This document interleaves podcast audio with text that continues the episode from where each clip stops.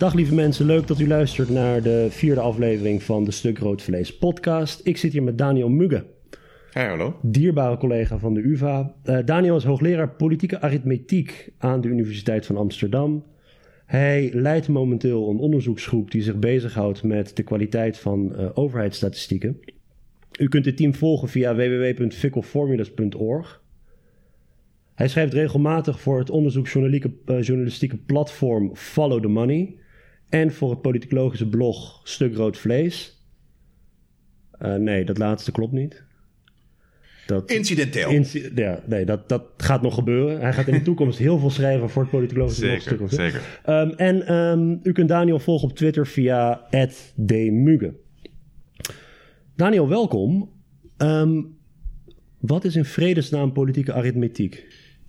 Ja, dat is een goede vraag. de naam want, van jouw Precies, want voor zover, voor zover ik weet ben ik de enige hoogleraar die dat als titel heeft. Uh, dat is echt niet heel erg gangbaar.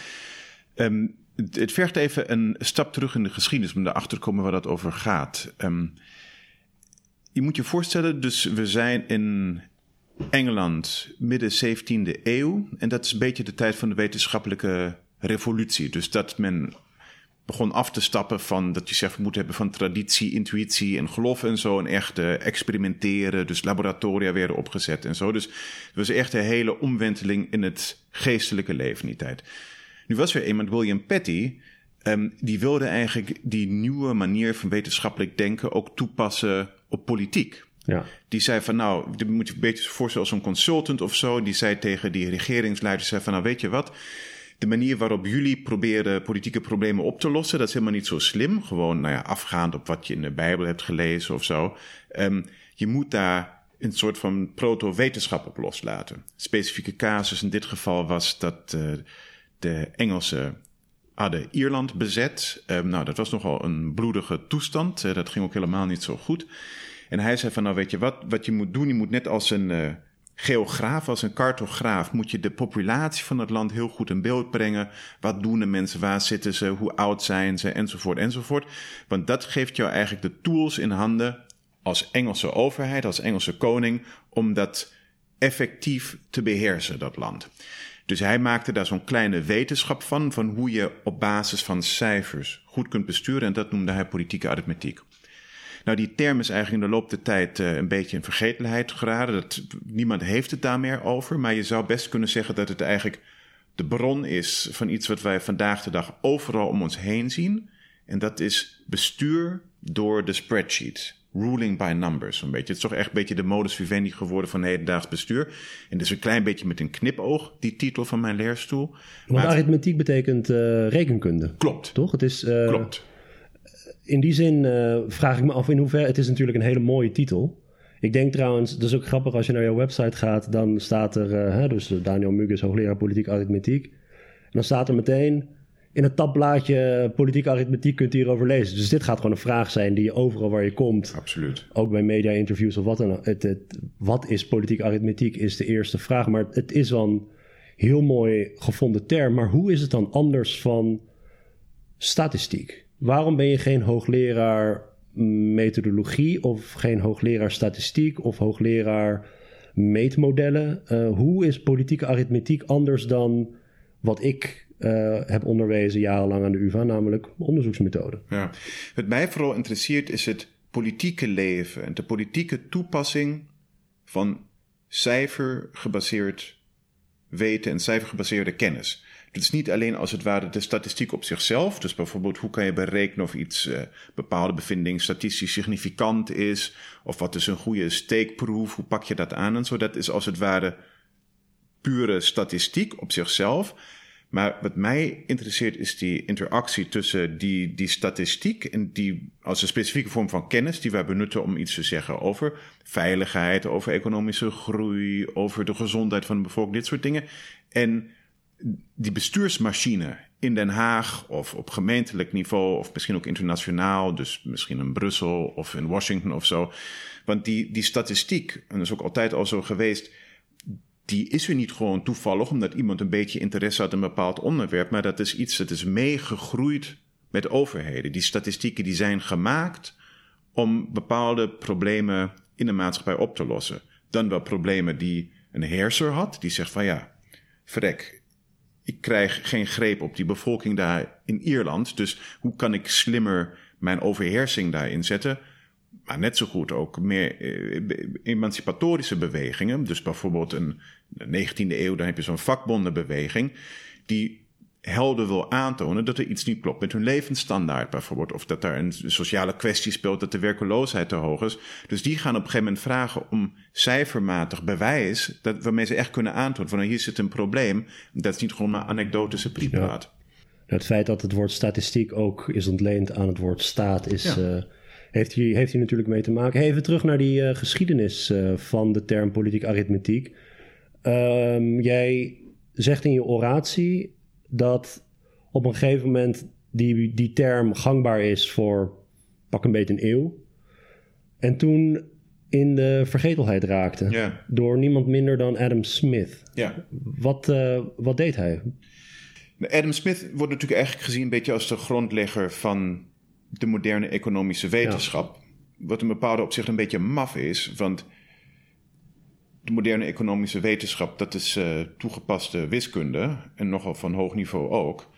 Je bedoelt de hedendaagse economische wetenschap? Ja, absoluut. Als je bij ons aan de UvA economie komt studeren, nou, daar heb je uh, een fors pakket uh, wiskundekennis voor nodig. En dan moet je nog een beetje verder doorbijten ook, anders kom je er niet. Ja. En dat is absoluut niet wat Adam Smith deed. Um, want die was eigenlijk veel meer van een, meer een deductieve redeneren. Dus die zegt van nou, stel nou het ene land is zus en het andere land is zo. Hoe zouden die dan met elkaar gaan handelen of zo? Dus dat was niet heel erg empirisch gebaseerd. Hij had natuurlijk ook wel kennis van zaken, maar meer zo'n redenerende vorm van economie. Nou, wat er specifiek is gebeurd, hij heeft in 1776 eigenlijk een beetje het grondleggende boek van de economische wetenschap gepubliceerd. De welvaart van de naties, The Wealth of Nations. En terwijl in de tijd van Adam Smith die politieke arithmetiek echt heel erg gangbaar was. Dus als die door een universiteit liep of zo, nou dat, die term moet totaal aanwezig geweest zijn. Er zijn best wel veel boeken in die tijd verschenen daarover. Noemt hij dat absoluut niet op. Het is echt. Het kan niet anders of hij heeft het echt opzettelijk genegeerd. En heeft in plaats van zijn eigen favoriete term gelanceerd, want hij had het over politieke economie. Hmm. Dat was een beetje wat hij als, als, als nieuwe school, als het ware, heeft gesticht in die tijd.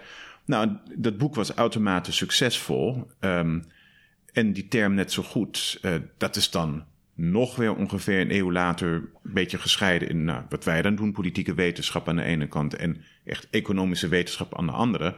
Maar tot en met eind van de 19e eeuw was politieke economie, political economy, gewoon echt de go-to term ja. voor alles wat met economie te maken heeft. Sterker nog, als iemand aan mij zou vragen om jou te klassificeren in een van de subdisciplines van de sociale wetenschappen, dan zou ik zeggen: Daniel is een politiek econoom. Ja, nee, zo zie ik Waarschijnlijk mezelf had jij, zoals je ziet, Zo dus die term, ook, ja. die term is echt ingeburgerd Ja. en die gaat ook niet meer weg. Dit is gewoon Ja, ja. Mensen, in mensen die zin wel interessant dat je nu juist gaat voor politieke arithmetiek. Ja, en weet je, het is dus, zoals ik eerder zei, daar zit wel een beetje een knipoog in. Ehm, dus in die zin dat het. Ja, het is geen heel erg gangbare term. En het, het, het meer nog dan ik had gedacht, is echt een beetje een handicap gebleken. Dat iedereen denkt van, nou, waar ben je nou mee bezig? Wat ben je aan het doen? Ja. Ja, sommige mensen denken echt dat ik een wiskundige ben. Dus als, als uithangbord, weet je, als ik zo'n academisch intellectueel winkeltje heb, Ja. dan is dat een buitengewoon slecht uithangbord. Want iedereen loopt er langs en denkt van, nou, ik weet niet wat ze er hebben, maar het is in ieder geval niet wat ik zoek. Het is met cijfers. Ja, maar dit- weet je, dat werkt echt niet goed als mensen zeggen: Oh ja, ik heb een vraag over Ja. zus, dus dan moet ik bij hem wezen. Ehm, maar tegelijkertijd is natuurlijk ook die. Ja, ik, ik hou wel een beetje van dat speelse wat daarin zit. Dat je dus teruggrijpt naar iets wat diep in de geschiedenis zit. En dus die bestuursmodus, die volgens mij zo kenmerkend is geworden voor hoe wij onze maatschappijen runnen. Dat ik die zelf onder de loep Ja. leg en zeg van nou, wat zitten daar misschien voor haken en ogen aan? Waar komt dat vandaan? En wat zegt dat over hoe wij als maatschappij en als mensheid misschien vandaag de dag in elkaar zitten? Oké, laten we even duiken in die cijfers dan. Want eh, in jouw oratie laat je een aantal voorbeelden zien van zeer gerenommeerde instituten, Wereldbank, eh, IMF, Eurostat, de, de, de statistische tak van de EU, die als het gaat om hele beroemde macro-economische indicatoren andere schattingen geven. Dus economische groei, even voor de duidelijkheid, het gaat jou om, om zaken als wat, hè, dus hoe meten we economische groei, hoe meten we inflatie, werkloosheid, iets als een handelsbalans. Mhm. Eh, hoe groot zijn die verschillen tussen die, eh, tussen bijvoorbeeld het IMF, wat het IMF schat, wat, wat werkloosheid in een land is of economische groei, of kies maar eh, wat je zelf wil, en, en de Wereldbank en, en Eurostat? Zijn dat niet cijfers achter de komma? Soms wel, soms niet. Ehm, ik denk dat moeten we twee dingen voor nu even gescheiden houden. Soms zie je inderdaad, ik zou je zo direct een voorbeeld daarvan geven, dat de cijfers die je dan terugvindt op zo'n website bijvoorbeeld, als je daar zo'n database downloadt of zo. Doe ik geregeld trouwens, want ik gebruik die cijfers in mijn, eh, in mijn eh, onderzoek met de assumptie, het maakt niet zoveel uit waar ik ze download. Ja, ja. Nou, en, en dat is voor best een groot onderdeel van die cijfers. Is dat ook zo? Dat, daar zal je inderdaad op, dezel, op verschillende websites dezelfde cijfers tegenkomen. Nou, dat betekent niet, daar hebben we het zo nog over, dat daar niet best wel wat problemen aan kunnen zitten. Maar daar zitten dan wel op die verschillende websites dezelfde problemen aan vast. Eh, maar wat je dus daarnaast ook hebt, is dat je inderdaad bijvoorbeeld dan in dit geval op de website van de Wereldbank aan de ene kant en het Internationaal Monetair Fonds aan de andere kant, die rapporteren allebei groeicijfers van eh, landen rond de wereld, dat je daar heel erg verschillende cijfers tegenkomt. Ik zou een voorbeeld geven. Ehm, als je kijkt naar een aantal Afrikaanse landen, dan heb je het bijvoorbeeld over Nigeria, maar ook over Ghana of Kenia of zo. Gewoon de afgelopen tien jaar, niet het heel diep in het verleden. Dan zie je dat daar voor economische groeicijfers per jaar soms compleet verschillende cijfers gerapporteerd worden. Echt als je het nu zou downloaden, nu als je luistert. En dat zijn soms wel 10 procentpunten. Dus dan staat daar voor jaarlijkse groei Nigeria staat in de ene database voor een bepaald jaar staat er iets van, weet ik veel, 4 of 5 procent. En in een andere database staat daar iets van 14 of 15 procent. Hetzelfde jaar, hetzelfde land. Ja. Nou, waar heeft het mee te maken? Dan denk je natuurlijk van, nou, dat kan eigenlijk niet. En ik zou je gewoon even, hey, er zijn best wel wat redenen hoe dit, hoe dit komt. Het gekke is dus dat natuurlijk eigenlijk die cijfers worden aangeleverd van zo'n land zelf. Is natuurlijk niet dat de Wereldbank naar Nigeria gaat en gewoon allemaal zelf met hun eigen staf van nou, Washington gaat uitpluizen, hoe zit het hier met economische groei? Maar het Statistische Instituut in Nigeria berekent dat volgens een bepaalde methode en stuurt het dan met een mailtje naar Washington en zegt van nou, dit is waar wij zijn uitgekomen. Ja, hoe kan dat dan? Wat je hebt is dat je soms hele gekke sprongen ziet in die groeicijfers. Ghana bijvoorbeeld rapporteerde in 2010 dat ze erachter waren gekomen dat hun BBP, bruto binnenlands product, dus de omvang van de economie, dat het eigenlijk 60% groter was dan ze tot die tijd hadden gedacht. En andere landen hadden soms vergelijkbare, dat je opeens dacht van, oh, dit is veel en veel en veel groter dan we hadden gedacht. Nou, hoe komt dat? Het wordt even 60 seconden technisch. Eens in de zoveel tijd, uh, vaak zijn het uh, om de 15 jaar of zo, moet je voorstellen, doet zo'n land zo'n economische census. Dus die gaan kijken wat voor bedrijven hebben we hier en wat voor bedrijfstakken zitten die dienstverlening, landbouw, uh, fabrieken die schepen maken enzovoort enzovoort. Maar het is best wel kostbare exercitie. Dus je maakt als het ware gewoon even een totaal overzicht van welke sectoren hebben wij in onze economie en hoe groot zijn die. Landbouw is een kwart, dienstverlening ook een kwart en industrie is de helft. Ik noem maar wat. En dan wat je dan de volgende 15 jaar doet, is dat je gewoon per sector kijkt hoe hard groeit die, als het ware. En dan vanuit daar bouw je je totaalplaatje van de economie. Maar wat je niet doet, is dat je de gewichten aanpast. Dus je blijft veronderstellen, terwijl landbouw groeit helemaal niet, dat er toch de hele tijd een kwart van je economie blijft. Hmm. Terwijl dat natuurlijk niet zo is. Als die dienstsector veel harder groeit, wordt die ook nog eens groter in jouw economie. Nou, dus die gewichten, als het ware, die hou je even constant. En als je dan 15 jaar later nog kijkt van, nou, hoe is het nog wel zo dat die landbouwsector een kwart van onze economie is? Nou, dan kom je erachter, nee, die is langzaam gegroeid. Dus die is ook nog maar 15% of zo. En die hardgroeiende sector is ook nog eens groter geworden. En dan krijg je echt zo'n gigantische sprong in die cijferreeks. Nou, dat is vervelend voor iemand zoals jij, die dan eigenlijk een beetje met die cijfers aan de slag wil. Want dan kom je erachter dat met terugwerkende kracht die cijfers eigenlijk helemaal niet klopten van de jaren daarvoor. Dus wat doe je dan? Of wat, wat doet dan een statisticus of statistica die dus die, database op de website zet, die jij dan kan downloaden? Wat die eigenlijk doen, is dat ze op de een of andere manier proberen die sprong in die datareeks een beetje uit te smeren over verschillende jaren. Dus wat je ziet is dat zo'n land dan opeens een groeispurt maakt, maakt van vier of vijf jaar. Zo oogt dat in de statistiek. Maar wat dat feitelijk is, is dat is die, die herschikking, die, die opnieuw berekening van het BBP, die zo'n sprong heeft geleid, wordt een beetje uitgesmeerd op een manier dat het geen hele rare breuk geeft in jouw tijdreeks.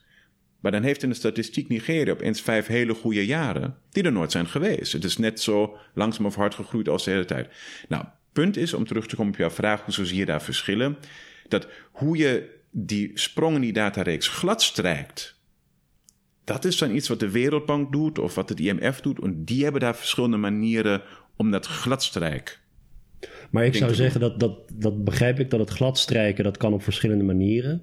Maar dat is niet een oplossing van het probleem dat de aangeleverde data zelf krakkemikkig zijn, toch?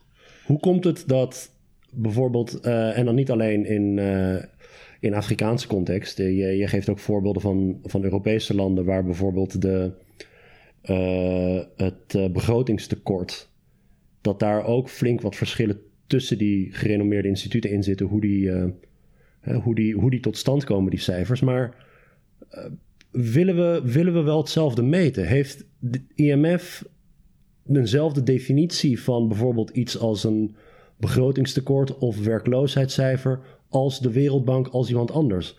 Beginnen ze allemaal met dezelfde definitie en komen ze bij iets anders uit? Of, willen ze, of, of bestaat er al oneenigheid bij de definitie van wat het bijvoorbeeld is om werkzaam te zijn? Ja, ja. laten we even blijven bij die overheidsschulden.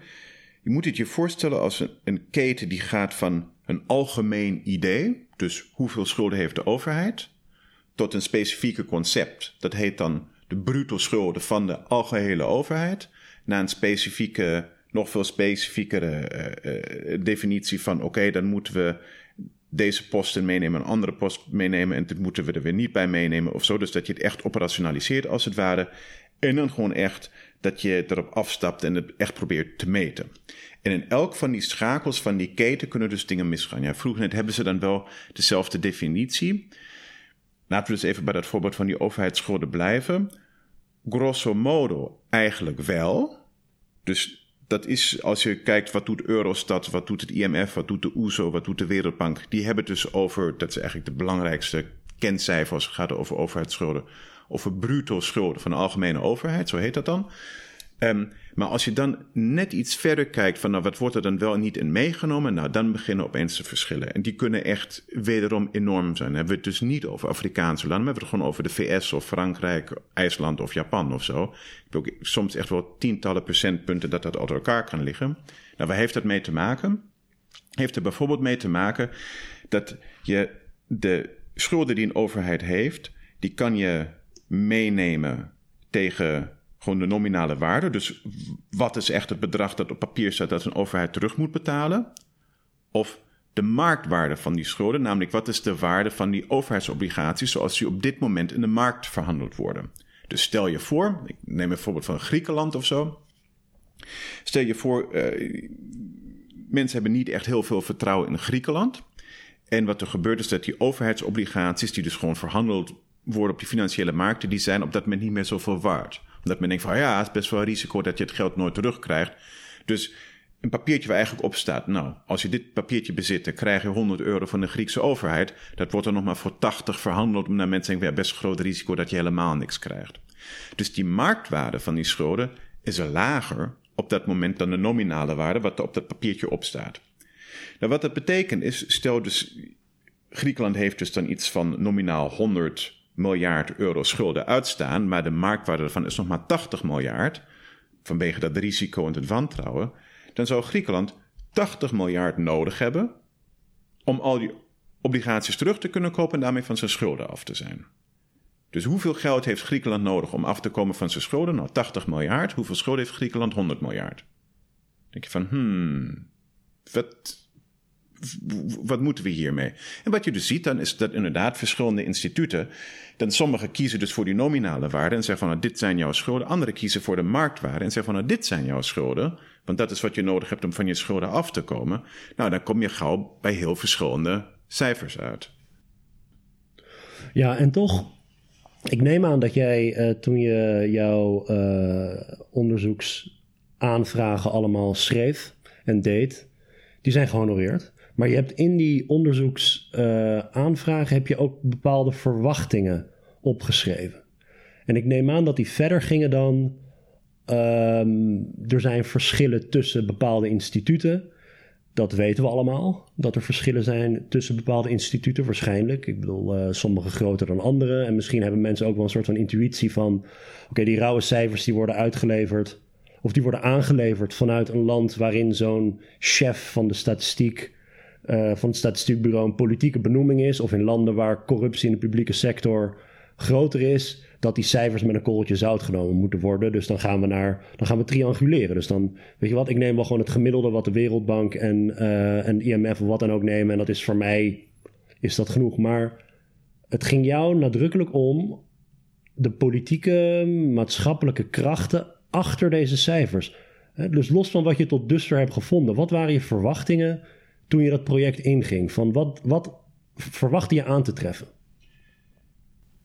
Ik denk een van de meest, nou ja, uit politicologisch perspectief spannende of sappige verwachtingen die ik had, was uh, dat ik misschien wel manipulatie zou aantreffen. En niet zozeer gesjoemel met de cijfers, alhoewel dat ook wel eens gebeurt, dat gewoon cijfers worden aangeleverd die gewoon niet kloppen, gewoon echt bewuste manipulatie. Maar mij gaat het in onderzoek eigenlijk meer om de formules die gebruikt worden. Dus zeg maar de, de, de, de grote vraag die mijn heel onderzoek structureert is: hoezo meten wij die dingen eigenlijk zoals we dat doen, onze economie? Als je eigenlijk formule A zou kunnen gebruiken, of formule B of formule C, ze zijn allemaal plausibel. Maar hoezo kiezen we voor formule A? Als dat echt uitmaakt, kunnen we het later over hebben hoe dat dan uitmaakt. Maar waar komt die keuze vandaan? En een van mijn verwachtingen was dus dat je ziet dat je spelers hebt binnen het bestuur van een land of binnen een economie, die voor zichzelf aanvoelen dat zij er baat bij hebben dat wij Formule A gebruiken. Bijvoorbeeld omdat ze dan een hoger pensioen uitgekeerd krijgen, of dat ze juist minder moeten bijbetalen, of dat ze makkelijker aan een lening komen van buitenlandse investoren of wat dan ook. Uh, denk ook aan politici die dan misschien uh, hun eigen economische beleidsprestaties buitengewoon goed kunnen laten blijken. Als de werkeloosheidscijfer dan dat. Maar dat, dat, dus, dat, dat aan, die, aan die formules getrokken wordt door spelers die daar zelf belang bij hebben om de economie in het een of andere licht te zetten. En dat heb ik eigenlijk vrij weinig aangetroffen. Um, dat was misschien heel even kort een beetje teleurstellend. Omdat je denkt van ja, weet je, dat zijn wel echt sappige verhalen. Als je kan zeggen van ja, geknoei met de formules achter de schermen en zo. En dat, dat is er eigenlijk niet zoveel. Dus even heel, heel bot gezegd, de verwachting zou kunnen zijn dat bijvoorbeeld de werkloosheidscijfer in een land. Uh, anders zou zijn omdat er bijvoorbeeld een machtige vakbond is. Precies, Zo, absoluut, dat, Daar gaat het om. Dus je hebt ja. de keuze uit verschillende formules. Ja. Maar uh, er zijn maatschappelijke actoren ja. die de ene prefereren omdat dat in hun voordeel zou zijn. En nou, oké. Ik, ik, ik, zou een ander voorbeeld geven, precies zoiets. Of dat je zegt, weet je, als mensen het over het BBP hebben, is er vaak de klacht, op zich ook terecht, dat dingen als milieuvervuiling, dat die daar niet in opduiken. Nu was midden jaren 2000, dus dat is een voorbeeld waar er volgens mij echt werd aangetrokken. Toen was de Amerikaanse econoom Joe Stiglitz, die was voorzitter van de Raad van Economische Adviseurs van Bill Clinton, die destijds president was. Um, nee, midden jaren 90 was dat al. En toen rees de vraag: moeten wij in onze BBP berekenen, niet op de een of andere manier, moeten we daar niet zeg maar milieuvervuiling daar sterker in meenemen? En toen was het duidelijk lobby, dat rapporteerde hij ook zelf. Vanuit de energiesector, dan hebben we het dus gewoon over grote bedrijven die heel veel CO2 in de lucht blazen, die dat absoluut niet wilden, omdat dan hun bijdrage aan de economie in een veel negatiever licht zou staan, omdat de weet je, dat er veel meer kosten zijn die zij veroorzaken voor de economie, niet alleen de baten. Dus die zeiden van nou, zo'n soort BBP-berekening, dat zien wij niet zitten, omdat dat negatief uitpakt voor ons imago als een van de pilaren van Amerikaanse economische kracht. Dit soort dingen. Maar dit, dit, dit soort episodes zijn de uitzonderingen, niet de regel. Dit is weer zo'n situatie van dat een prachtige hypothese wordt ja, om, omver wordt geblazen door lelijke feiten. Nou ja, maar... Dat had inderdaad wel mooi geweest als zoiets was gevonden. Maar dan is natuurlijk een vervolgvraag: waarom vind je het niet? Dus hoe kan het zo zijn dat er verschillende keuzes zijn tussen verschillende manieren om groei te berekenen of wat dan? Uh, ja. Uh, ze werpen niet een muntje op, lijkt me. Nee. Om wel welke, hè, die statistici, welke formule je zou moeten gebruiken. Dus Ja. eh, hoe verklaar je dan dat het niet zoveel uitmaakt? Ja, nou ja, dus wat je, wat je vaak ziet is dat daar best wel een gat zit tussen een algemeen concept dat wij hebben. Dus bijvoorbeeld zoiets als, weet je, hoe verandert onze levensstandaard en wordt dat wel of niet duurder in de loop der tijd? Dus iets wat inflatie ongeveer meet. Weet je, hoe duur is je leven? Ja. Dat, is, dat is ongeveer. En ik zeg, weet je, dat is ongeveer de antwoord op die vraag. Want als je een statisticus vraagt of een statistica, nou, die zegt van ja, eigenlijk wat, wat het precies meet is dit en dat en dat en dat. Maar voor ons in het algemeen is inflatie, het inflatiecijfer, de antwoord op de vraag hoe duur of hoeveel duurder wordt je leven. Wat je dan gauw ziet, is dat er bepaalde aspecten zijn van prijskaartje dat aan ons dagelijks leven zit, die buitengewoon moeilijk in kaart te brengen zijn. Ik zou je een voorbeeld geven. Als statisticus moet je altijd het verschil kunnen maken of een bepaald ding duurder is geworden, of of het beter of dan wel slechter is geworden. Dus je, Kwalitatief. Precies. Ehm, dus als het gaat over dingen als iPhones bijvoorbeeld. eh, als je terugdenkt, de, de eerste generatie die in Nederland op de markt kwam was de iPhone 2, een kleine tien jaar geleden. De prijs van een iPhone is automatisch stabiel gebleven. Zo'n nieuw, zo'n up-to-date model, dat kost altijd grofweg 700 euro. Destijds en nu ook nog ongeveer. Ehm, maar de kwaliteit van die apparaten is natuurlijk ontzettend vooruit gegaan. Dus als je zegt van ja, nou, iPhone is eigenlijk een prijs gelijk gebleven, dan zegt een statistica, nou, vind ik eigenlijk niet, want voor hetzelfde geld krijg je nu veel meer product. Meer pixels, meer rekencapaciteit, meer opslag, beter geluid, betere camera, nou, noem maar op, wat er niet allemaal in dat apparaat zit. Dus in de, in de inflatiestatistiek duikt de iPhone op als iets wat inflatie omlaag duwt. Omdat je dus voor dezelfde hoeveelheid iPhone, voor dezelfde aantal pixels op je scherm, steeds minder geld hoeft te betalen omdat het apparaat beter wordt. Dus dat is een voorbeeld van hoe je die kwaliteitsverandering mee moet nemen en dan tot andere conclusies komt. Nu is het bij de iPhone redelijk simpel. Daar worden gewoon letterlijk dingen geteld als het aantal pixels op het scherm, grootte van het geheugen en zo. Maar dat geldt natuurlijk voor hele heel veel andere dingen in ons leven ook, dat die van kwaliteit veranderen. Eh, heel veel dienstverleningen veranderen van kwaliteit misschien. Dingen zoals onderwijs of zo. Maar ook als je iets heel basaals neemt als een kopje koffie, bijvoorbeeld. Toen ik hier naar Nederland kwam, 17 jaar geleden. Nou, eigenlijk alles wat je een beetje kon krijgen, dat was gewoon zo'n kopje Douwe Egberts ergens op de hoek. En het was niet dat het Duitsland beter was, maar dat is, was geen... eh, Ik wil net zeggen. Geen ga culin- niet- ik- ik- ga ik niet doen alsof het in Duitsland beter Nee, is. nee, nee, nee, hetzelfde. Maar dat was nu echt geen eh, culinaire eh toppenlevenis die je daar kreeg. En sinds de opmars van de koffiecompagnie en Starbucks en wat heb je niet nog meer, zelfs bij ons of de afdeling hebben ze inmiddels gewoon een de vers gemalen koffie daar, is de kwaliteit van de koffie best wel omhoog gegaan. Ja. De prijs uiteraard ook. Het is, eh, je kan zonder moeite eh 3,5 3,5 euro voor een of andere ingewikkelde cafeïne eh, drankje daar betalen. En de vraag voor de statistica is dus nu de volgende. Die prijsontwikkeling van een kopje koffie hier in Nederland... Hoeveel daarvan, ik zeg maar wat, stel dat het is gegaan van 1,50 euro gemiddeld naar 3 euro of zo, een verdubbeling van de prijs. Hoeveel daarvan is dat koffie gewoon beter is geworden? Je krijgt meer smaak, meer koffiegenot voor je geld. En hoeveel daarvan is dat echt de prijs omhoog is gegaan? Want zij zou zeggen van ja, koffie is niet echt twee keer zo duur geworden, want je krijgt dus ook meer voor je geld. En dat geldt eigenlijk voor zoveel producten dat je die splitsing zou moeten maken tussen de verandering van kwaliteit en de netto verandering in prijs. En dat is gewoon iets dat is ontzettend moeilijk. Dus vaak doen we dat feitelijk niet. En wat je dan krijgt, om terug te komen op jouw vraag, hoe, hoe komt dat dan dat er alsnog verschillende formules zijn? Nee, je kan verschillende manieren bedenken om proberen daar alsnog achter te komen.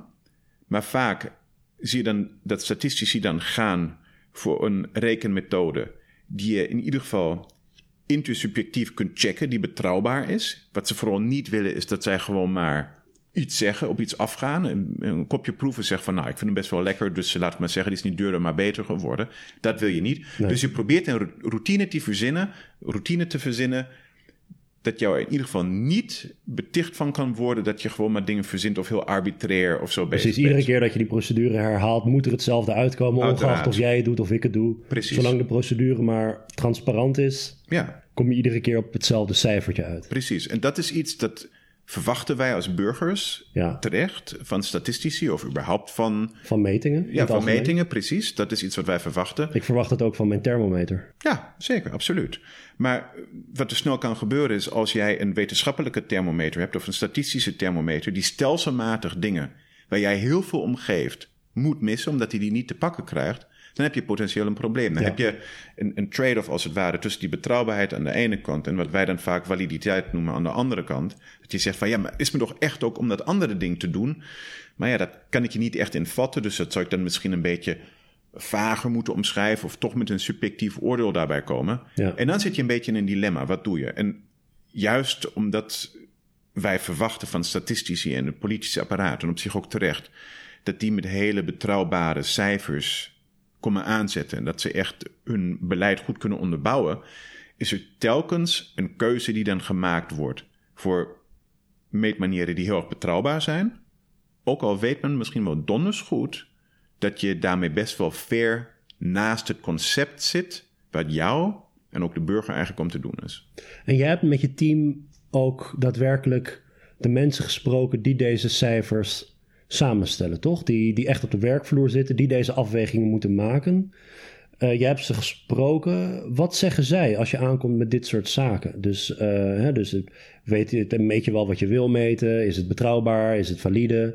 Eh, wat zeggen de statistici zelf over de keuzes die ze maken? Nou, Zij- Ze zijn er bewust van, neem ik aan, van het probleem. Want even, ik, ik werk zelf veel met, veel met statistiek. En mijn ervaring ook met andere mensen die met kwantitatieve data werken is... wij weten zelf eh, als eerste wat de manco's zijn in ons onderzoek. ja. Eh, daar hebben we geen mensen nodig die sceptisch zijn over kwantitatief onderzoek. Die zeggen dat kun je niet meten. Wij weten zelf over het algemeen donders goed waar de pijnpunten liggen. Eh, dus ik neem aan dat die statistici heel, een heel lange tijd meegaan in jouw verhaal. Dat ze het eens zijn hiermee, ja, ja, absoluut. wat jij zegt. Nou, ze zijn er in zover mee eens dat als het gaat om die specifieke technische problemen, dan heb je gelijk. Dat is iets waar ze zich heel erg van bewust zijn. Dus absoluut niet zo dat die statistici zelf naïef hier zijn Nee. of dat niet doorhebben. En, en dat is ook wel een belangrijke boodschap die ik heb, is dat ook al heb ik natuurlijk bepaalde vormen van kritiek, als je het zo wil noemen, over hoe dat gaat. Eh, het, het zou echt totaal verkeerd zijn als men mijn verhaal zou interpreteren als... hier komt Daniel Mugen, die vertelt de statistici wel even... wat er niet allemaal mis is met hun berekeningen of zo. Dat, zo zit het niet. Dus die onderkennen veel van die problemen. Wat natuurlijk dan apart is, is... en ik vind dat dat ook veel in wetenschappelijk onderzoek gebeurt... men zegt van ja, goh, nou, dat is allemaal wel heel ingewikkeld. Maar ja, een cijfer is beter dan geen cijfer. Dus hoppa, eh, alsnog maar vooruit. Dus maar gewoon doen. En wat je dan ziet, dat vind ik een heel grappig mechanisme, is op het moment dat die cijfers gemaakt worden, en dan hebben we het, dat, dat is natuurlijk ook een hele lange voedselketen. eh, van iemand die, weet ik veel, tijdens een census of een survey gewoon echt nog bij iemand aan de deur staat en een vragenlijst afneemt. En dan vervolgens wordt het ergens geaggregeerd. En dat, dat gaat echt, voordat het in een krantenartikel staat, is dat echt tien stappen doorgegaan. En bij die eerste stap, nou, daar, daar, staat, staan nog best wel wat disclaimers daarbij, voetnoten, mitsen en maren. Want iemand Ja. zegt van, ja, goh, ik weet het eigenlijk niet precies, maar volgens mij bedoelde die eigenlijk dit en zo. En al die disclaimers bij elke, Ja, bij elke schakel in die keten ja. heeft de volgende die daar zit een enorm grote prikkel om te zeggen van ja, maar daar hou ik me nu even niet mee bezig. Dat laat ik maar even terzijde of het verdwijnt dan nog dieper in een voetnoot. Dat heeft er volgens mij te maken dat we eigenlijk, daarom doen we dat natuurlijk met die statistiek, we zijn op zoek naar informatie. Naar, dus in echt in een hele brede zin. We willen even iets weten. En dat iemand zegt van ja, wat ik hier jou nu opschotel is 50% informatie en 50% ruis ja. Je zegt van nou die ruis, Ja. dat weet ik, maar ik, ik, mij interesseert even die informatie. En jij moet het samenvatten in een memo van twee pagina's. Of een abstract van een artikel. Of een krantenartikel dat mensen weet je, binnen 20 seconden kunnen lezen. terwijl ze eh, op de bus staan te wachten of zo. Dus die ruis die daarin zit, die wordt in elke schakel van die keten wordt die er even eruit gehaald, weggelaten, wordt niet benadrukt en de informatiegehalte wordt steeds groter gemaakt. Ja. En Nou, en de precisie ook. ja, Eh, dus wat, wat ik heel interessant vind, dit is een parallele discussie die eh, ik vaak heb gevoerd eh, over, over peilingen. En de berichtgeving over politieke peilingen. Een politieke peiling is ook een meting, namelijk hoeveel procent in het electoraat stemt VVD bijvoorbeeld, of welke andere partij dan ook. Om dat te kunnen meten, vragen we 1000 Nederlanders, 1500 Nederlanders. Als die gelood zijn, dan heb je, een, eh, heb je een kans dat dat een vrij goede dwarsdoorsnede van de bevolking is. Alleen iedere steekproef die je neemt, krijgt net iets andere resultaten. Dus er zit een onzekerheid omheen, die ruis waar je het over had. Heel lang was het het geval dat dan alleen het percentage zou worden benoemd, of de stijging in de zetels, zonder die enorme bak aan ruis die er omheen hing. ja. En ehm, als je de, de meeste opiniepeilers in hun verslagen eh, besteden er aandacht aan. En die zeggen dingen als: maar dit is niet statistisch significant. Of deze cijfers zijn niet zo hard als je kunt vermoeden. Deze twee partijen zijn ongeveer even groot. Maar toch zie je dan in de berichtgeving van bijvoorbeeld het ANP en of, of ook andere eh, journalistieke, eh, journalistieke organisaties, zie je dat al die mitsen en maren zijn vergeten en dat daar toch staat alsof het eh, met, de meest, met de grootst mogelijke precisie is gemeten. De VVD is de grootste partij, punt. ja. En wanneer je dan vraagt aan journalisten waarom doen jullie dat dan? Dan is stevast het antwoord: ja, maar de, de, de, kijkers, of de kijker of de lezer die zitten hier niet op te wachten. Die willen geen wiskundig verhaal in de krant hebben. ja. Je? En ik vind dat altijd zo'n zwaktebod. Want mensen weten best hoe ze met onzekerheid moeten omgaan. Als je naar het weerbericht kijkt bijvoorbeeld. Ja, dan... Je zou eens aan Gerrit Hiemstra... Dan vraag je ook niet... Ja, is het morgen nou zonnig of niet? Gaat het nou regenen of niet? Hij zegt dan... Ja, de kans dat het gaat regenen is dus en dus en dus en dus. Eh, als Gerrit Hiemstra zegt... Morgen is er een 80% kans op neerslag... Dan gaan wij niet naar het strand. Ook al blijkt dan de dag daarna misschien dat het zonnig was en je naar het strand had kunnen gaan. Ja, maar mensen weten best hoe je met onzekerheid moet omgaan. En dat is hetzelfde met die eh, cijfers waar jij mee te maken hebt, lijkt me. Dat de, een, van de, een van de processen hierachter, achter die simplificatie, is dat, mm, dat de, de, de mensen die verantwoordelijk zijn voor de cijfers of voor de disseminatie van de cijfers, denken dat het onnodig ingewikkeld is om onzekerheid mee te nemen in die, in die schattingen. Eh, wat een onderschatting is van, van, van hoe mensen in het dagelijks leven met onzekerheid omgaan. Ik denk dat dat inderdaad iets is wat je. Wat, wat ik ook tegenkom in mijn onderzoek. Ehm, maar soms kan je het je veroorloven om die onzekerheid. Of zou je het je kunnen veroorloven om die onzekerheid mee te nemen, en soms ook niet. Ehm, sommige van die economische cijfers die zijn direct gekoppeld aan andere beleidsmaatregelen. Bijvoorbeeld is het in veel landen gangbaar dat een jaarlijkse loonstijging of stijging van je uitkering of een pensioen direct gekoppeld is aan een bepaald inflatiecijfer. En dat is echt wettelijk dan ook vastgelegd. Dan is natuurlijk dat je kan natuurlijk niet zeggen van nou volgend jaar stijgt jouw salaris met ergens tussen de 1 en 3 procent. Nou, Dat kan natuurlijk niet. Daar, daar, moet gewoon echt een cijfer staan. En dat wordt Maar waarom, waarom, waarom, zien we alleen maar toch- berichten? ja. Waarom zien we alleen maar berichten van het, de, de, de raming van het CPB zegt dat de economie volgend jaar met 3% gaat groeien? Waarom staat er niet dat de economie tussen de. eh, waarschijnlijk Ja, in die nee. rapporten staat waarschijnlijk. eh, staat, kan, ik kan me niet voorstellen dat, de dat de mensen verantwoordelijk voor deze schattingen doen alsof het daadwerkelijk 3% gaat zijn. Tussen de 1 en de 5%. Weet ik veel wat, er, wat, wat onzekerheid zou kunnen zijn.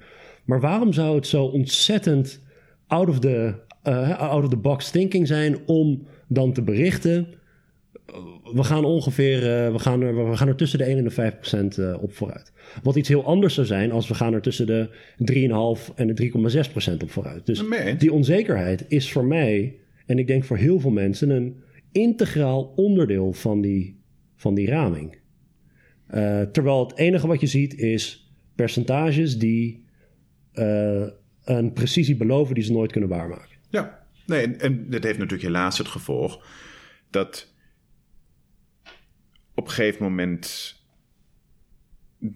je eigenlijk zelf een verwachting blijft voeden, ook bij burgers, namelijk wat betreft die precisie van hoe je bezig bent, die je eigenlijk alleen maar kunt teleurstellen. Dus weet je, als je voor jezelf de lat iets lager zou leggen en zou zeggen van ja, zoals je zei, tussen de 1 en 5 procent, daar, dat lijkt ons vrij waarschijnlijk dat het daar ergens op uitkomt. Um, dan loop je veel minder kans om mensen teleur te stellen. Als het dan inderdaad wel anderhalf procent worden, of misschien ook 4,5 volgend jaar, die dan zegt van, hé, waar was jij nou mee bezig met die 3 procent? Jij zat er toch totaal naast. Maar zoals ik net zei, tegelijkertijd moet je ook niet vergeten dat zeg maar die, dat bericht wat dan in de krant staat, dat is niet noodzakelijkerwijs het eindpunt van die cijferconsumptie. Daar kunnen we het ons misschien wel veroorloven, maar je hebt elders, heb je wel soms de noodzaak en soms de prikkel om wel met een point estimate, weet je, met een precies cijfer te komen aanzetten. Ik zei net van, nou bijvoorbeeld als jaarlijks salaris of pensioenen worden aangepast, heb je wel echt één concreet cijfer nodig. Dat, daar, waar dan uitrolt wat jij volgend jaar op je rekening gestort krijgt. Dat kan niet iets van misschien zus, misschien zo zijn. En datzelfde geldt voor dingen bijvoorbeeld als Europese afspraken over hoe groot mag je overheidsschuld of je begrotingstekort zijn.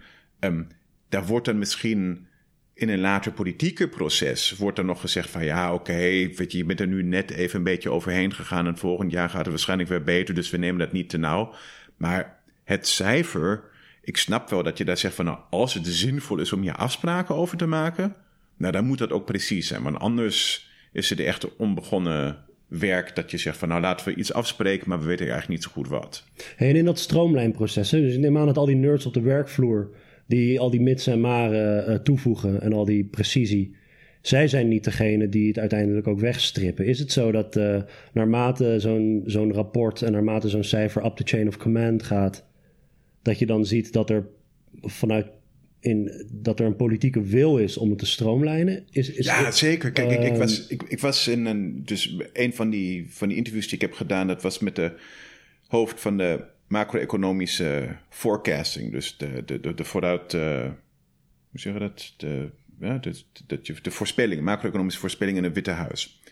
Daar was ik uh, twee jaar. Dus degene die dan destijds nog voor Obama die macro-economische voorspellingen doet.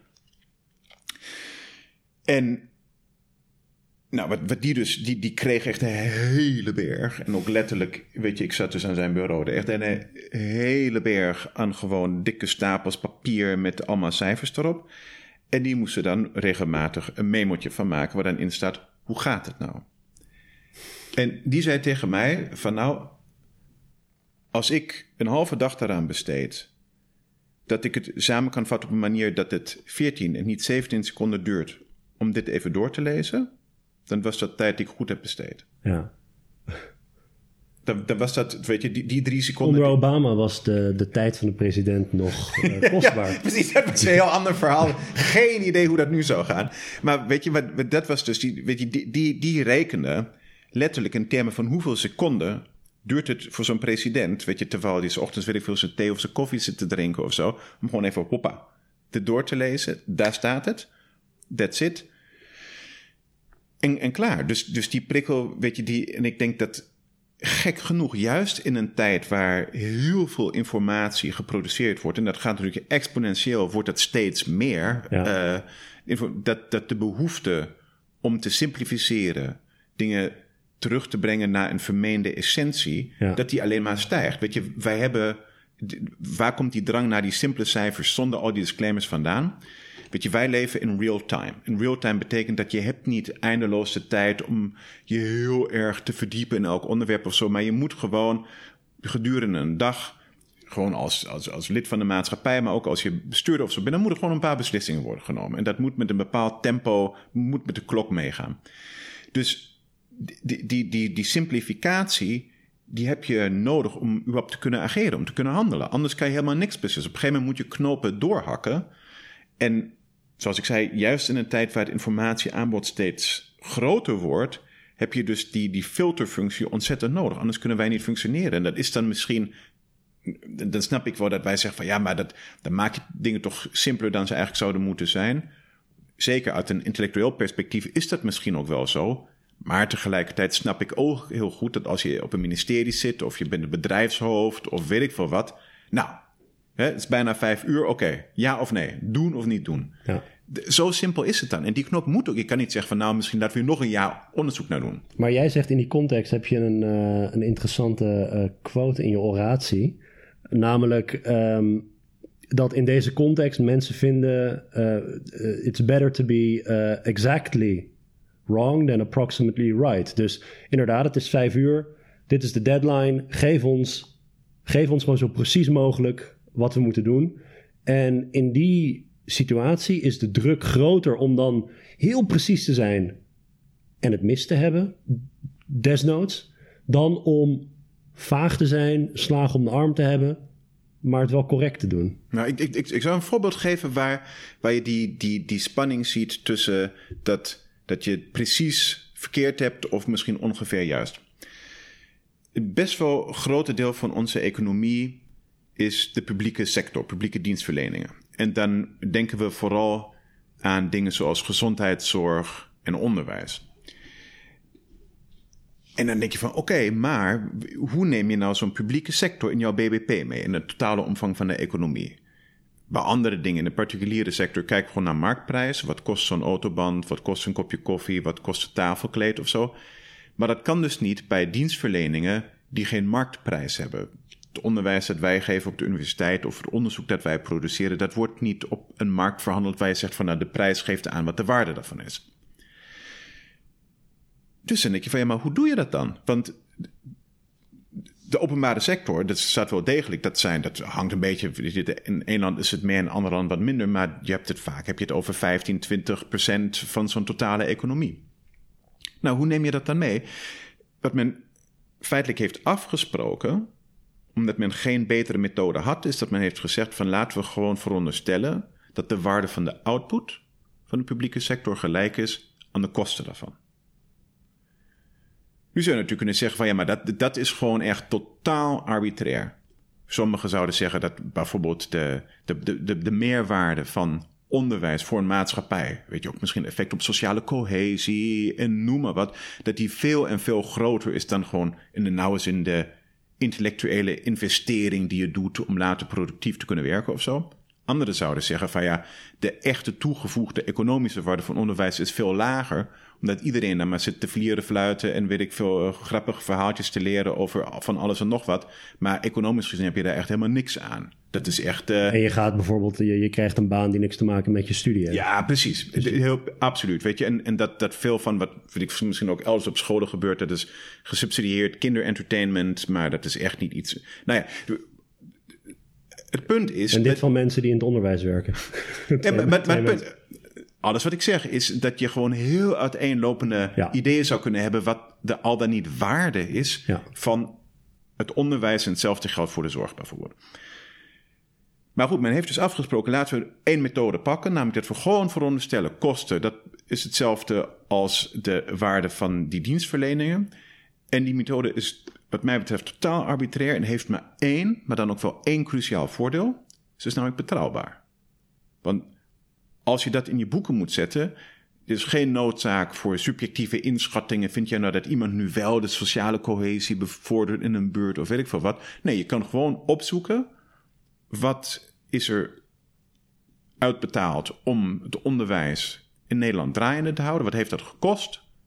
Nou, en dat kan je dan gewoon in de boeken zetten als van, nou, dat is dus de veronderstelde meerwaarde. Dus het is een betrouwbare methode. En dat is dus iets, in plaats van een hele uitgebreide discussie te voeren, wat ook zou kunnen over van, nou, wat vinden we eigenlijk de waarde van onze onderwijssector? Ja. Dat, daar kom je misschien bij iets wat ongeveer juist zou kunnen zijn. Dat is een heel ingewikkeld project als je dat wil becijferen, maar dat zou je kunnen doen. Maar daar doe je niet aan. In plaats daarvan kies je een uitermate arbitraire methode, maar die wel altijd één betrouwbaar, heel precies cijfer eruit laten rollen. Ja. Ja, als ik, een, uh, als ik een goede interviewer was geweest, dan had ik deze vraag eigenlijk aan het begin moeten stellen. Namelijk, uh, dus even, dit, dit, soms is het een heel technisch verhaal. Soms, soms zien we dat er arbitraire keuzes worden gemaakt. Misschien heel soms ook politieke keuzes. Maar het gebruik van die data. Dus het, dit, dit, zijn niet, dit zijn niet ivoren toren discussies. Deze cijfers die hebben een extreem grote impact op het dagelijks leven van mensen, omdat hier beleid op wordt gemaakt, toch? Ja. Wat, kun je daar iets meer over zeggen? Hoe belangrijk dit soort cijfers zijn in beleidsvorming? Nou, je komt ze volgens mij overal tegen. Je komt ze vooral overal tegen als je ook, zeg maar, ook de indirecte effecten daarvan meeneemt. Um, ik noemde eerder op dat inflatiecijfers bijvoorbeeld op heel veel plekken al dan niet direct, al dan soms ook indirect invloed hebben over de ontwikkeling van uh, lonen, pensioenen, uitkeringen, dit soort zaken. Werkeloosheidscijfers zijn natuurlijk een thermometer voor hoe, hoe, hoe goed gaat het met onze arbeidsmarkt. En zien we al dan niet de behoefte om daar beleid op te maken. We zeggen van nou, we moeten hier iets mee. En als je dan. Beleid in termen van bijvoorbeeld of lonenmatige of investeringen. Zoiets of, bijvoorbeeld, of dat je zegt van nou, daar, daar moeten. Miljarden, beslissingen die echt om miljarden gaan. Ja, op basis van deze cijfers. Absoluut. Op Europees niveau, nou, daar spelen schuldencijfers een uitermate grote rol, omdat je volgens de officiële regels in de penarie komt uh, als lidstaat van de eurozone als je begrotingstekort hebt van meer dan 3% of stapel overheidsschulden van meer dan 60%.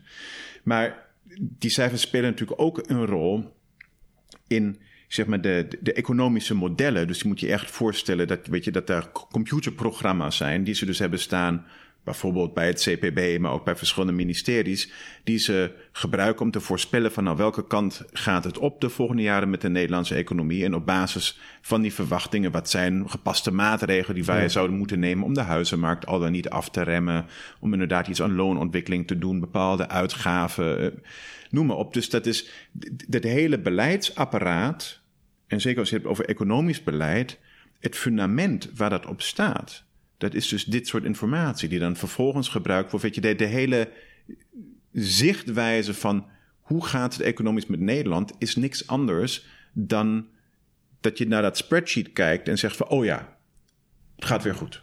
En uh, kiezers die baseren in ieder geval deel, een deel van, een deel van, uh, electorale, een deel van de electorale overweging zijn ook dit soort cijfers. Dus percepties van economische groei, groeicijfers, werkloosheidscijfers.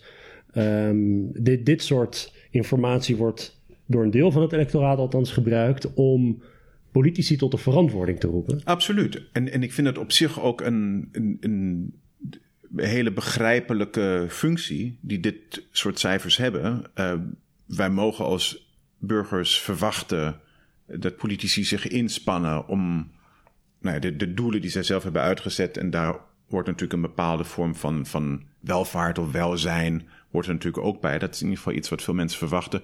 Dat wij een beetje kunnen nalopen. En hoe verder zij al dan niet daarin slagen om daar ook iets van terecht te brengen. Nu begint het natuurlijk al daarmee dat het vaak heel erg lastig is om gewoon echt een kausaal verband te leggen tussen een bepaalde beleidsmaatregel, dat het dan beter of slechter gaat. Weet je, dat terwijl iemand uh, aan de knoppen zit dat het dan ook beter gaat, betekent natuurlijk absoluut niet dat diegene ook diegene was die dat echt teweeg heeft gebracht. Maar zelfs als we dat even buiten beschouwing laten, is dat een belangrijke functie van die cijfers. Maar nu zie je twee gekke dingen daarbij. De eerste is dat er een groeiende kloof is tussen zeg maar, die standaard economische cijfers. Denk aan inflatie, economische groei of werkeloosheid. En de beleveniswereld van de doorsnee burger. Veel van die cijfers zijn gemaakt voor zeg maar, de wereld van de jaren 50, waar economische groei betekende inderdaad hoeveel auto's lopen er van de band. Levensstandaard, iets wat we toch associëren met inflatiemeting, ging eigenlijk vooral over inderdaad hoe duur is het om dit soort spullen te kopen. Wat kost brood, wat kost melk, wat kost een auto, wat kost een tv, dit soort zaken. En als we het hadden over de arbeidsmarkt, was inderdaad de vraag: weet je, hoeveel, en destijds vooral mannen, hè, als we denken naar een halve eeuw terug, hoeveel mannen zijn eigenlijk in de, leeftijd dat ze kunnen werken, maar kunnen niet aan de bak komen? Voltijdbaan. Nou, als je vanuit daar gaat naar 2017, dan zijn we in een totaal andere situatie. Weet je, veel van wat wij produceren in de bredere zin en ook waar mensen omgeven, nou, dat zijn dingen die zijn helemaal niet zo tastbaar. Dat zijn dan vage dingen als die hebben te maken met, uh, nou ja, soms uh, is dat heel erg kennisgebaseerd. Um, dus kennis en onderzoek dat dan ingaat in nieuwe ontwikkelingen zoals een iPhone of andere nou ja, digitale technologie, wat veel moeilijker wordt om te zeggen van nou, daar is zussen zoveel van geproduceerd, zoveel auto's zijn er van de band gelopen. Nou, dat is met dit soort innovaties veel moeilijker daar grip op te krijgen. En BBP-cijfers eh, vinden het, dat is het enorm lastig om die digitale economie daarin mee te nemen. Uh, als je kijkt naar levensstandaarden, dan is het niet meer zo dat we zeggen van nou, weet je, als we voor hetzelfde geld meer spullen kunnen kopen of meer geld hebben om gewoon maar spullen te kunnen kopen, vinden wij automatisch dat het beter met ons gaat. Er zijn toch wel best wel wat mensen die daar een beetje meer, zeg maar, postmaterialistische uh, uh, opvattingen erop nahouden. Tenminste, voor een deel van ons leven. Wij waarderen vrije tijd, sociale contacten, uh, cohesie in onze buurt, andere vormen van de aspecten van de leefomgeving. Dus die, die, die, die kloof tussen wat zegt een inflatiecijfer over hoe duur het is om een bepaalde levensstandaard te hebben aan de ene kant en onze subjectieve beleving, die wordt groter. En als je het over de arbeidsmarkt hebt, nou, er wordt heel veel geflextimed deze dagen. Weet je, er zijn tijdelijke arbeidscontracten. Mensen moeten verschillende banen tegelijkertijd. Veel mensen beleven ontzettende druk als het gaat om combineren van twee banen en een gezinsleven en zo. Dus die, die cijfers zijn vaak zijn dat een beetje oude cijfers of oude meetlatten. Die vaak niet meer zo heel erg goed passen bij hoe wij anno 2017 bezig zijn. En dat betekent dus dat als we dan in de krant lezen dat volgens die oude meetlat het best goed gaat of niet zo goed gaat, dat de beste kans is dat het niet aansluit bij de beleving van individuen die zeggen van hè, daar ken ik me helemaal niet in. Jij zegt van nou dat het economisch goed gaat, maar ik, ik en al mijn buren, we, lukken er, we slagen er nog steeds niet in om hier echt rond te komen en weer een secuur leven op te bouwen. En dat is volgens mij echt een, een potentieel gevaar, ook dat die kloof tussen de meting en de beleving erg groter dan kleiner wordt. Ja. Even kijken, wat wil ik nog vragen over die? Uh, oh ja, um, dus die verant de, de, de, de, tot de verantwoording roepen van politici. Dat is iets wat we heel normaal vinden. En heel veel mensen zouden ook zeggen dat dat een van de doelen is van verkiezingen. Uh, niet om via revolutie of via geweld onze leiders te verwijderen, maar ze te ontslaan via verkiezingen. Ja. En één manier om dat te doen is om terug te kijken naar wat de prestaties waren geweest, en vervolgens om dan op een andere partij te stemmen, mocht je ze willen afstraffen. Of op dezelfde partij te stemmen, mocht je ze willen belonen. Even heel simpel gezegd. Ja. En toch hebben we recent gezien dat er ook een statisticus tot de verantwoording is geroepen in Griekenland. Ja de, hè, de chef van, uh, van Elstad, dat, het, het, Griekse, de Griekse statistiekautoriteit. Dat was een man die tientallen jaren bij het IMF heeft gewerkt. Um, even kijken, hoe heet hij nou? George, uh, Andrea Giorgio. Ja. Andrea Giorgio. Die heeft tientallen jaren bij het IMF gewerkt. Op een gegeven moment kwam die uh, in 2010 mm, mm, werd hij chef ja. van Elstad.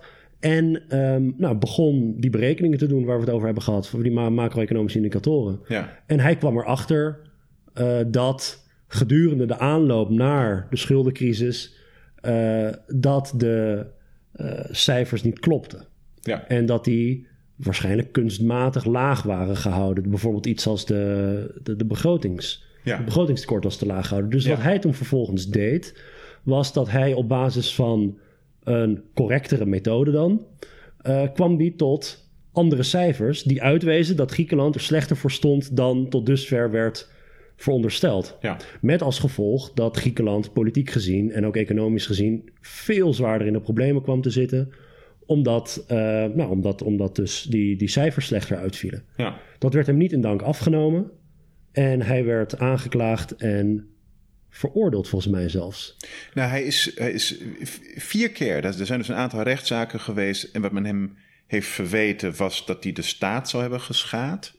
Um, en hij is vier keer aangeklaagd, is vier keer vrijgesproken. Maar is dus nu voor het hoogste gerechtshof nog een keer aangeklaagd. Inmiddels is die, zijn termijn was afgelopen in 2015. Toen is hij weer teruggegaan naar de VS. Dus die merkte ook dat dat uh, in Griekenland. Uh, Nou, dat, dat, dat, werd hem niet. Dus die is weer naar Maryland uh, verhuisd in de VS. Maar hij is dus afgelopen jaar opnieuw aangeklaagde voor het hoogste gerechtshof in Griekenland. En die zaak dient volgens mij nog, ja. En wat, uh, wat moeten we hiervan maken? Dus er zitten, er zitten natuurlijk heel veel interessante aspecten aan deze casus. De, eerst is misschien wel, zouden statistici de en de producenten van macro-economische gegevens, die dus zo verschrikkelijk belangrijk zijn in de beleidsvorming, hoe zou je die mensen tot de verantwoording moeten roepen? Je zou kunnen zeggen, als je je werk niet goed hebt gedaan, dan ontslaan we je. Ja. Uh, dat, dat is hoe ver je zou willen gaan. Als het gaat om tot de verantwoording roepen uh, van, ja, van deze mensen. Ook, moet het überhaupt gebeuren? Moet je ze ter verantwoording roepen? Of is het... Nou, kijk, die, die, ik vind absoluut, je moet verwachten dat als je een pakket met economische cijfers krijgt, dat erin zit wat erop staat. Dat is echt essentieel voor het vertrouwen dat wij kunnen hebben in die cijfers. Als er staat van nou, dit is een berekening volgens met officiële Europese methodes van het Griekse overheidstekort, dan moet je erop kunnen vertrouwen dat dat ook in zit. Je kan best kritiek hebben op de manier waarop men in Europa dit soort schuldencijfers berekent. En daar zijn volgens mij redenen om te denken dat dat ja, misschien niet altijd even goed gepast is. Zeker in zo'n extreme situatie als die waarin Griekenland in 2009 verkeerde. Um, wat dus concreet.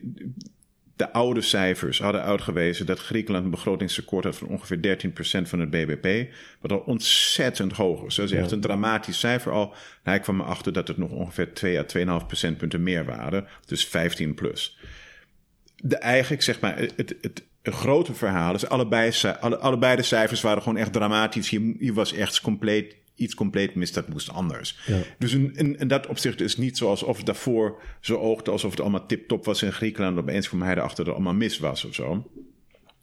Maar het neemt er niet van weg dat ik wel vind, wij moeten vertrouwen kunnen hebben dat daar bepaalde procedures worden gevolgd. En dan kan je een discussie hebben. En dat is een discussie waar ik dan ook onderdeel van uitmaak. In hoeverre die procedures misschien wel gepast zijn om antwoorden te geven op de vragen die wij hebben. En dat zouden misschien net iets andere insteek vragen. Wat daar is gebeurd, voor zover ik dat overzie, ik ben natuurlijk ook niet, uh, ik, ik, heb dat proces niet in detail gevolgd. Maar is inderdaad dat die twee dingen een beetje door elkaar zijn gaan lopen. Uh, er waren al eerder herhaaldelijke aanwijzingen dat er in Griekenland inderdaad gewoon opzettelijk werd gesjoemeld met die cijfers. Dus men heeft geprobeerd om daar mensen te misleiden over hoe de zaken daarvoor stonden. En misschien wel omdat men zich ontzettend genaaid voelde op dat moment door de rest van de wereld, het grote kapitaal, Brussel, weet ik veel. Maar dat men het gevoel had dat het eigenlijk dat het een beetje oneerlijk maar was. Wat Griekenland dus is over, overkomen. Maar dat is natuurlijk desondanks een totaal verkeerde zet. Dat iemand die gewoon fatsoenlijk zijn werk doet dat je dan, weet je, dat is een beetje shooting the messenger. En dat is natuurlijk een hele Het gekke is dat die woede zich richt op hem en niet op die lui die voor hem die, uh, die gegevens verkeerd hebben de, de, de, uh, of dat, gepresenteerd. Of dat je zegt, weet je, als je een probleem hebt met de methode die daar wordt toegepast. Want weet je, toen jij dit stuk inleidde, zei hij van ja, volgens de. Je, je aarzelde even, juist de officiële rekenmethode. En dat geeft inderdaad al aan, weet je, het feit dat het de officiële methode is. Hij hoeft nog niet te zeggen dat het op dat moment de methode was die ons precies laat weten wat wij willen weten. Dat zou best kunnen dat daar een kloof in zit. Maar nogmaals, ik vind je moet er wel op vertrouwen dat op een gegeven moment de regels worden gevolgd. Want anders weet je totaal niet waar je aan bent. Dan worden die cijfers echt waardeloos. Um, dus voor mij, als je als Griekse overheid op dat moment had geconstateerd dat dat je eigenlijk zegt van nou, die methode staat ons niet aan. Want daar worden nu opeens dingen bij elkaar gerekend die niks zeggen over de lange termijn duurzaamheid van onze overheidsfinanciën. Daar had je niet je eigen statisticus daar, uh, weet je, te pak moeten nemen. Maar had je naar Eurostat, dus de Europese koepel statistische organisatie moeten gaan en moeten zeggen van nou, luister jongens, volgens de officiële regels is dit het getal wat eruit zou komen. En hier zijn de vijf redenen hoezo wij vinden dat dat geen fair beeld geeft van wat hier bij ons aan de hand is. En dan mogen jullie vervolgens beslissen of jullie denken van ja, nou misschien hebt jij Griekenland wel een punt. In dit geval geeft dat een scheef beeld. Dus uh, laten we daarmee rekening houden of dat ze puntje bepaaltje houden. Zeg van nee hoor, dit, dit doen we gewoon. Maar dat was volgens mij eigenlijk de correcte gang van zaken geweest. Als je terecht kritiek, hebt op de methode, zeg dat dan vooral. Maar gewoon daar ergens in zo'n achterkamertje een beetje draaien aan de cijfers, omdat jij vindt dat je, weet je, dat je gewoon genaaid wordt door de rest van de wereld. Dat is natuurlijk een hele slechte zaak.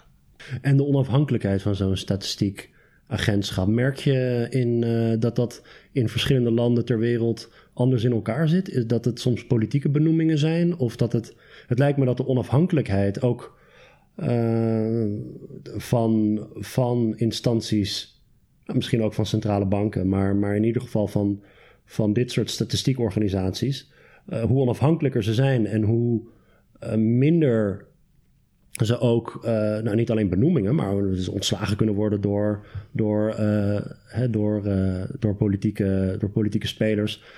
hoe makkelijker het is om ook nou ja, om ook slecht nieuwscijfers naar buiten te brengen voor de, de machthebbers van het land. Is, zit er een verschil tussen die onafhankelijkheid van statistiekbureaus? Ik weet niet of er een stelselmatig verschil in zit. Uh, in die zin dat je zegt van nou, ik noem maar iets, weet je, bij rijke landen daar gaat het doorgaans goed en des te armer landen worden, des te slechter gaat het over het algemeen. Um, zeker wat die onafhankelijkheid betreft weet ik dat niet. Um, men heeft wel, wel over het algemeen de indruk dat de statistische capaciteit, uh, dus de man- en vrouwkracht die je hebt om gewoon je eigen economie in kaart te brengen, dat dat toch wel echt afneemt als je naar vrij arme landen gaat. En men vindt misschien niet geheel onverwacht, maar dat dat vooral in Afrika echt een probleem is, dat die capaciteit daar vrij laag is. Um, om daar, daar goede schattingen te maken van hoe staat jouw economie ervoor je ziet wel dat daar een paar landen zijn die er toch echt bekend om staan dat het met de onafhankelijkheid van die statistische bureaus daar een probleem is. Uh, Argentinië is herhaaldelijk in het nieuws geweest, omdat men daar het idee had dat daar met name inflatiecijfers, uh, dat daarmee gewoon gesjoemeld werd. Um, Hoe zit het met China? Nou, China is een interessant geval. Um, daar heeft men zich best wel lang zorgen gemaakt dat die economische groeicijfers, dat die nergens op slaan. China heeft natuurlijk de afgelopen twee, tweeënhalf decennia ja. enorme economische groei gekend. Um, dit land is in veel opzichten echt totaal getransformeerd.